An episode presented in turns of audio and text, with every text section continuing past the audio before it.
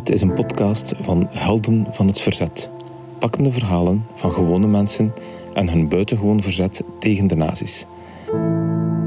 Mijn naam is Danny Neut en straks vertelt Hilda ons het verhaal van haar bijzondere vader.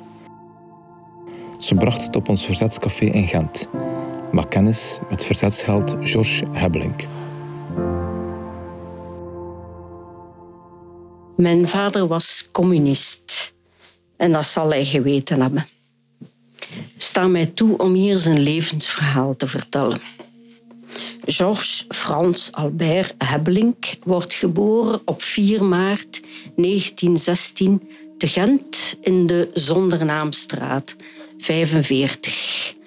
Hij is enig kind van Franciscus Hebbelink, makelaar in katoen en poetskatoen, en Marguerite Margaretha Ferrange is een huisvrouw. Uiteindelijk eh, gaf zijn vader een bedrijf de volgende naam.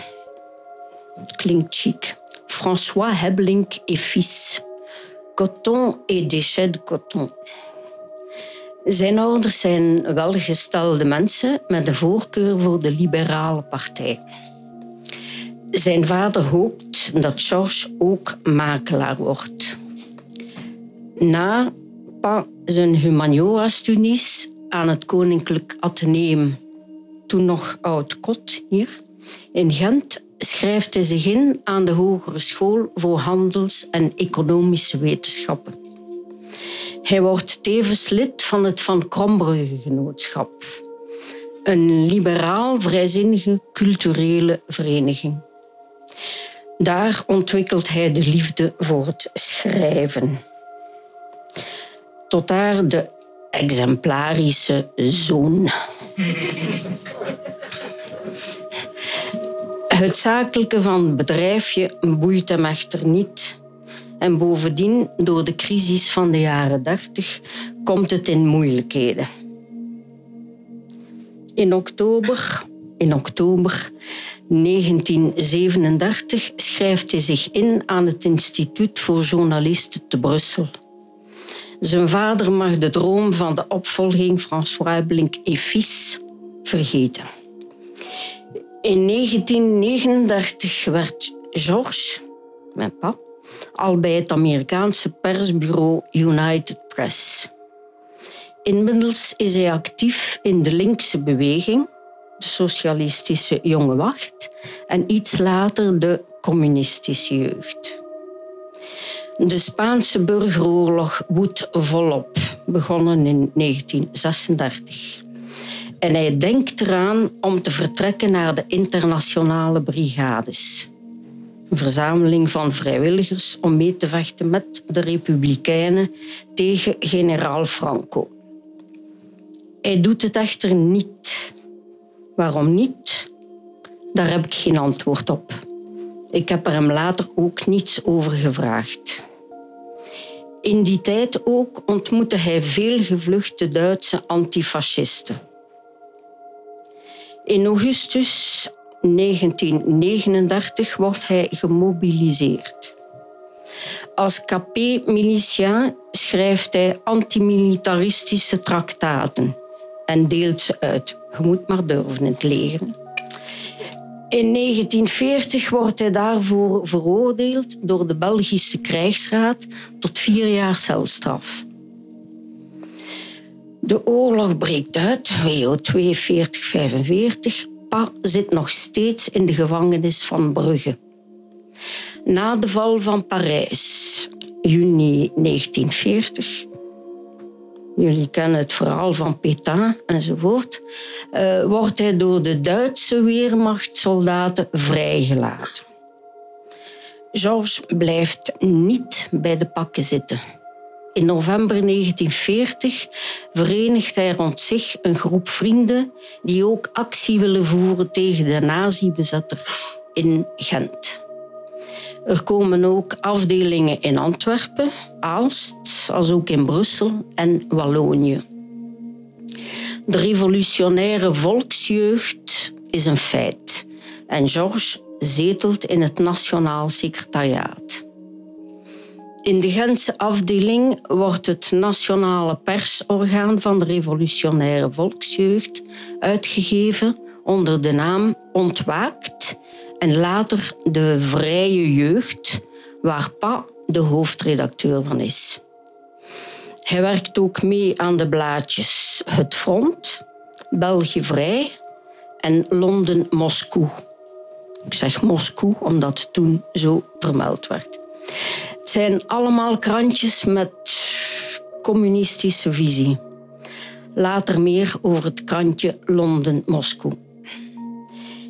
Inmiddels is Pa getrouwd met een Oostense, Emilienne Kesteloot, op 21 mei 1941. Zij wonen in een appartement in de Krijgslaan te Gent. Daar wordt het blaadje Londen-Moskou gemaakt na het beluisteren van de verboden nieuwsberichten van de geallieerden. Eh, het verliep als volgt. Mijn ma en mijn tante, tante Blanche, noteerden het nieuws in steno.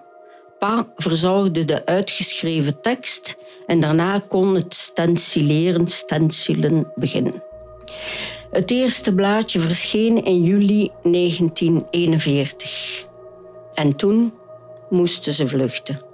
Gewaarschuwd door een vriend uit Aalst, Bert van Oorik. Zij woonden ondergedoken in een afgedankt tramstel in Destelbergen. Daar werden de meeste Londen-Moskou-blaadjes gemaakt en verdeeld. Hoe ging dat? Hoe verliep dat? Drie vaste redactieleden. Georges Ablink, Emilienne Kesteloot en Blanche Kesteloot. De depothouder was Georges. Hij gaf de blaadjes aan Carlos van Meurs, geholpen door Victor Baaiens en Albert Carlier voor Gent, en aan Blanche Kesteloot en Pierrette Keulenaren voor Brussel. In september 41 verhuisde Pa en Ma naar Brussel. Het tramstel was waarschijnlijk te koud en zeker niet veilig genoeg. Pa werd gevraagd voor een functie in het jeugdfront van het Onafhankelijkheidsfront. Een brede beweging met acties tegen de bezetter. Over zijn leven in Brussel zijn er veel blinde vlekken. Het hij helpt mee als journalist aan Vrije Jeugd en Jong België.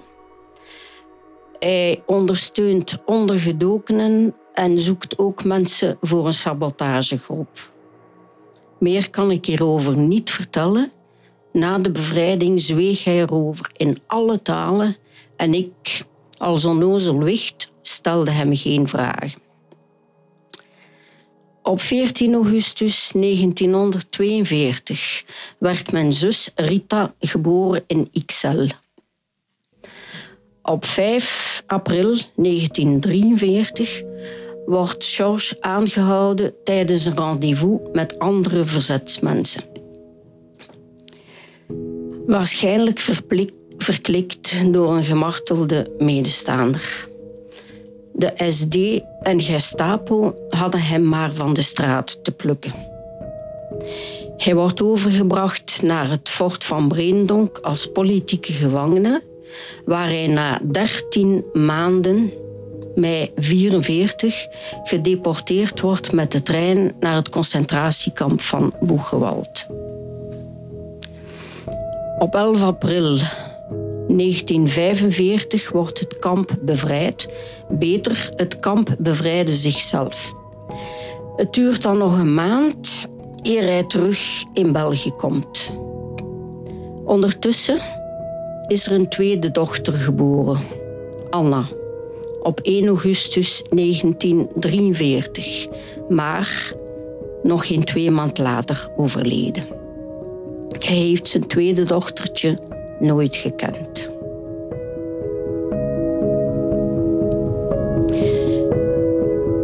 Georges komt gebroken terug uit de kampen. Hij heeft een letsel aan zijn hoofd, veroorzaakt door de martelingen in Breendonk. Hierover schreef hij in zijn boek De trein reed door het dal. Het volgende. Ik lees het voor. De hoofdpijn is een stuk van mijn lijf. Ze heeft twee kleine handjes die onder mijn schedelpan wonen. Soms wringen ze mijn hersens uit, zodat mijn ogen uit een kassen dreigen te springen en ik vuur en vlam scheid. Soms warmen ze zich aan een klein kampvuur, zodat mijn beenderen kraken en rook uit mijn oren opstijgt als een SOS. Dat is een koppijn die als een groeiende macht in mij leeft, ijvert en triomfen oogst. Later vertel ik er iets anders over. In 1946 wordt hij nog hoofdredacteur van het communistisch blad De Rode Vaan met twee O's. Van 1 mei 46 tot 12 maart 47 is hij ook adjunct kabinetchef van de minister van Openbare Werken, Bormans. Daarna gaat het bergaf met zijn gezondheid. De dokter verbiedt hem alle intellectuele arbeid. Hij wordt te werk gesteld op het vliegveld van Sint-Denijs-Westrem. Dat zegt de meesten misschien niet, maar dat is nu Flanders Expo. Daar moet hij de molshopen verwijderen uit het gras, zodat de vliegtuigjes veilig kunnen opstijgen en landen. Dit tot grote hilariteit van de andere arbeiders, want Pa was echt onhandig. Ik weet zeker, dat denk ik toch, dat hij geen enkele mol heeft omgebracht. Ondertussen word ik geboren op 19 april 46. We wonen in de Kattenberg 20 te Gent. Mijn moeder is nu huisvrouw. Na berichten over bezuinigingen bij de Rode Vaan en het autoritaire optreden van de KP dient Georges zijn ontslag in in 1948. Het is voorgoed gedaan met het communisme. Hij wordt socialist, lid van de BSP. Na het avontuur met de molzopen werkt hij nog samen met zijn vader als katoenmakelaar, maar dat brengt financieel niet veel meer op. Zijn liefde voor het schrijven neemt weer de bovenhand. Hij mag enkele artikels schrijven voor het Socialistische Weekblad Voor Allen. En kort daarna wordt hij redacteur bij het dagblad Vooruit. Georges krijgt later de post van buitenlandredacteur en wordt ook nog persattaché van de minister van Verkeerswezen, Eetje, Edward Anselen, van 54 tot 58. In 1961 uh, volgt hij Gaston Kromme op als hoofdredacteur van De Vooruit. Bij mijn weten is dit de meest gelukkige periode van zijn leven. Hij heeft er contact met Louis Paul Boon, Richard Minne, Prosper de Smet en langzamerhand begint hij ook boeken te schrijven. Een van zijn werken, De Journalist, wordt zelfs in 62 bekroond met de Arkprijs van het vrije woord. Daar was hij natuurlijk dolgelukkig over. Wat is nu mijn verhaal als dochter van? Het leven na de bevrijding verliep niet rooskleurig. Mijn moeder vertelde me over het moeilijk samenleven met pa. Hij verdroeg geen drukte. Ook aanvaarde hij niet altijd het dieet dat hem was voorgeschreven. Er waren veel echtscheidingen. De gevangenen kwamen meestal ontmenselijkt terug. Door mijn geboorte in 46 begon het leven weer normaler te worden. Ik werd omringd door heel veel zorg en liefde. toch waren er rare momenten. Toen ik plusminus drie jaar was, lieten ze mij doodongerust onderzoeken door dokters. Ik had last van pijnen. De dokters vonden niets. Ik was kerngezond. Misschien was er iemand in de familie die ziek was, hoofdpijn had, opperde de dokter. Mijn man nam mij apart, berispte me zeer streng. Het moet gedaan zijn met je handen aan je hoofd te komen. Je mankeert helemaal niets. Ook de verstandhouding met mijn zus liep mank. Bij het minste ruzietje nam Ma altijd de verdediging van Rita op. Ik was het gelukskind van na de oorlog, mijn zus het slachtoffer dat moest beschermd worden. Rationeel kan ik dat nu wel plaatsen, maar bij het opgroeien verliep het rebelser. Op zondag dwaalde Pa graag door de stad. Gent natuurlijk. Hij kende enorm veel mensen en velen spraken hem dan ook aan. Dag Sjorske, alles goed? Hoe is het nog met... Enzovoort en zo verder. Soms mocht ik mee. Ik vond dat zeer fijn. Maar toen gebeurde er iets. We liepen in de Veldstraat en opeens nam pa mijn hand vast en sleurde mij mee naar de overkant van de straat. Valse honden, gromde hij. Ik zag een Duitse herdershond met baasje wandelen. Vreemd. Pa hield echt van dieren. We hadden thuis een mooie poedel, Bella. Wist ik veel dat er in Boegewald Duitse schepers gevangenen aanvielen en ernstig verwonden. Van pa heb ik die uitleg nooit gekregen. Uh, nu moeten jullie niet denken dat ik een ongelukkige jeugd had. Echt niet. Mijn pa was een lieve, humoristische man, vader. Wel voelden we met het ganse gezin dat zijn gezondheid achteruit ging. Hij kreeg epileptische aanvallen, was vaak ziek. Mijn zus en ik kregen de corvée om afwisselend het middagmaal naar de slaapkamer te brengen. Zijn ogen staarden wantrouwend naar iets. Hij was weer in de kampen. Binnen de kortste keren was de gloeiende soep, het hoofdgerecht, alles naar binnen geschokt. En over eten gesproken, margarine kwam er niet in huis. Het moest echte boter zijn, geen erzats. Het brood moest witter dan wit zijn. Vlees was niet zozeer nodig, maar er moest wel overal bewerkte saus bij. En chocomousse werd ook gewaardeerd. Verstaanbaar als je het regime kent van Boegewald. Ik lees even voor uit Les Belges à Boegenwald, vrij vertaald. De dagelijkse portie bevatte ongeveer 1050 calorieën. Gevangenen die zwaar werk deden in open lucht hadden minstens 3000 calorieën nodig. Na ongeveer één maand gevangenschap verloren ze 20 à 25 kilogram lichaamsgewicht. De meeste gevangenen wogen niet meer dan 50 kilo. Het geldt voor mannen. Hè. Het menu. S'morgens één kop erzatskoffie. 500 gram brood, soms maar 200 gram.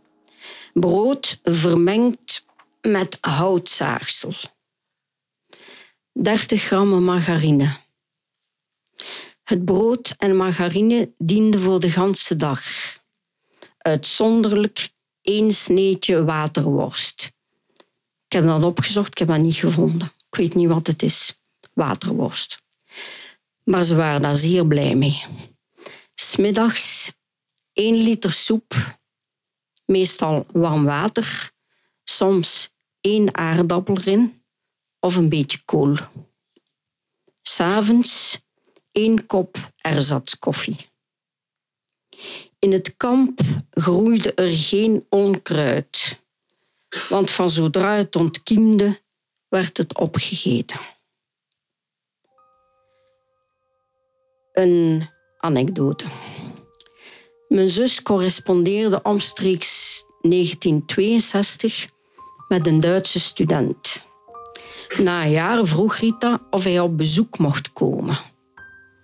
Pa had er geen bezwaar tegen, maar hij kon wel niet bij ons logeren. En pa had er iets op gevonden. Hij reserveerde een kamer in het Hotel des Alliés aan de Dampoort. De Duitse student kwam en het eerste wat hij vroeg was de betekenis van les alliés. Zo kon Pa duidelijk uitleg geven, want in de Duitse geschiedenisboeken van toen werd de periode van Wereldoorlog II verzwegen.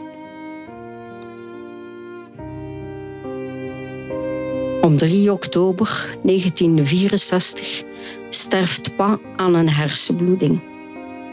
Hij werd 48 jaar, ik was toen 18. Hij heeft zijn oorlogsverleden nooit verwerkt. Nochtans heb ik van hem geleerd het goede in ieder mens te zien, genuanceerd te denken en te spreken. Ik heb wel spijt dat ik geen vragen stelde. Deels uit bezorgdheid, deels uit mijn immaturiteit. Er resten vele blinde vlekken. Laat mij eindigen met een stukje uit zijn boek De trein reed door het dal. En Trent, de naam Trent, staat hier symbool voor de verzetstrijder. Gaat verloren in de geschiedenis. Het lijk van Trent heeft een zin. Er zullen altijd mensen terugkeren uit het concentratiekamp. Ze zullen vertellen over Trent en zijn kameraden en zijn werk voortzetten. Misschien gaat het moeilijk, maar hoe moeilijker, hoe meer Trents er zullen opstaan. Nee, ze kunnen Trent niet klein krijgen.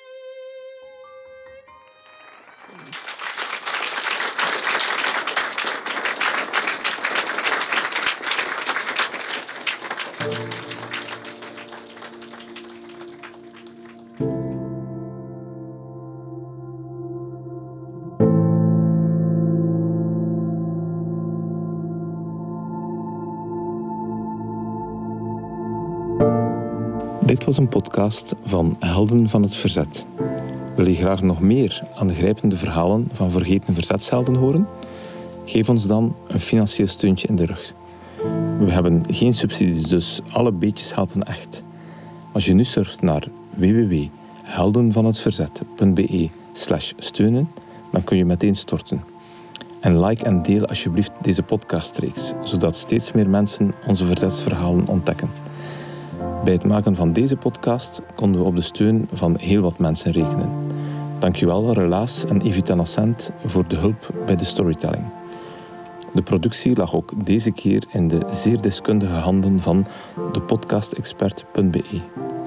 Trefpunt en Mazeril van Schent maakten de praktische organisatie van het Verzetscafé mogelijk. En last but not least, een dikke, ongelooflijk dikke merci aan Hilde Hebbelink, Jurie Puissant, Tim van Steendam en de rest van de ploeg.